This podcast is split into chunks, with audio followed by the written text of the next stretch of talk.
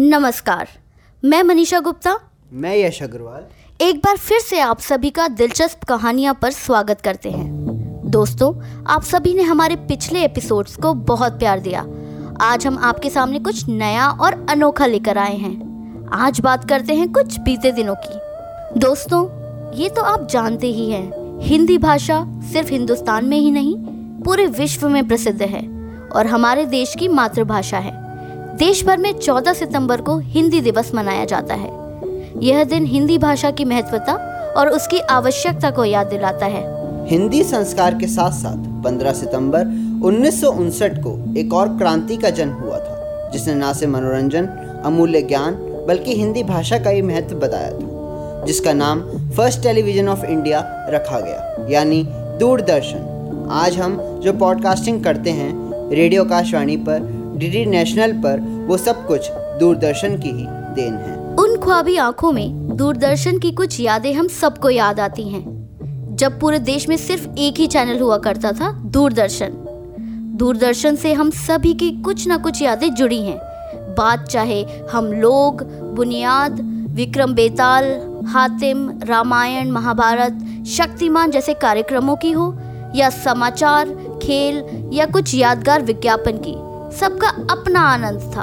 2020 में कोरोना के तहत दूरदर्शन चैनल को सबसे ज़्यादा टीआरपी मिली और इसी समय बच्चे बच्चे को रामायण और महाभारत के ज्ञान का भी एहसास हुआ। क्या आपको पता है टीवी की शुरुआत कैसे हुई थी? यानी दूरदर्शन की? हाँ हाँ। पहले तीन दिन के लिए दूरदर्शन का प्रसारण किया गया। आखिर लोगों के लिए इसका एहसास कुछ और ही था। सबसे पहले टीवी पर एक साइकिल का चलचित्र देखने से वहाँ बैठे हर दर्शक का मन अचंभित सा हो गया था। कुछ दिनों में लोग डीडी को चाहने लगे और 1980 में डीडी मानो हर घर की आदत सा बन गया। वो दिन की बात याद है, जब कॉलोनी में सिर्फ़ एक या दो टीवी हुआ करते थे। कोई भी प्रोग्राम आता था तो सब लोग एक साथ मिलकर देखते थे। मानो टीवी देखना उस समय एक उत्सव हो। वो कार्यक्रम याद है? हम लोग पहला हिंदुस्तान का नाटक, जिसमें एक मध्यम परिवार की कहानी दर्शाई गई थी, जो कि वहाँ बैठे हर एक इंसान से कहीं ना कहीं जुड़ी हुई थी। वो दिन तो ज़रूर याद आते होंगे, जब रामायण कार्यक्रम आया था।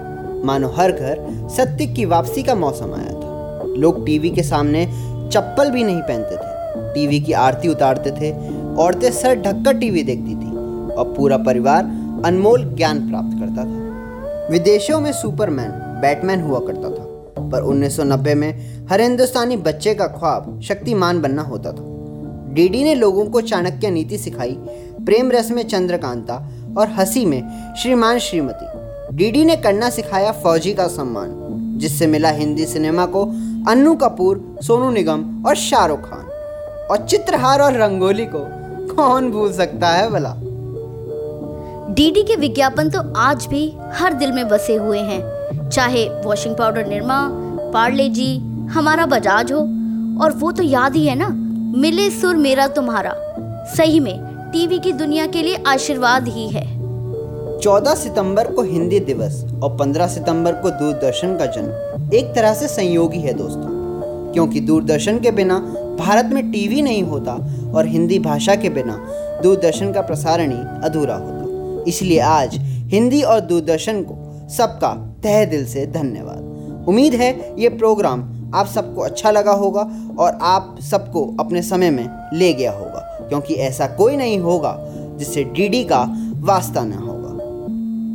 हिंदी भाषा को दिल से जगाइए हर समय इस भाषा का सम्मान करते रहिए दूरदर्शन देखते रहिए और दिलचस्प कहानियाँ सुनते रहिए। आप सबका धन्यवाद।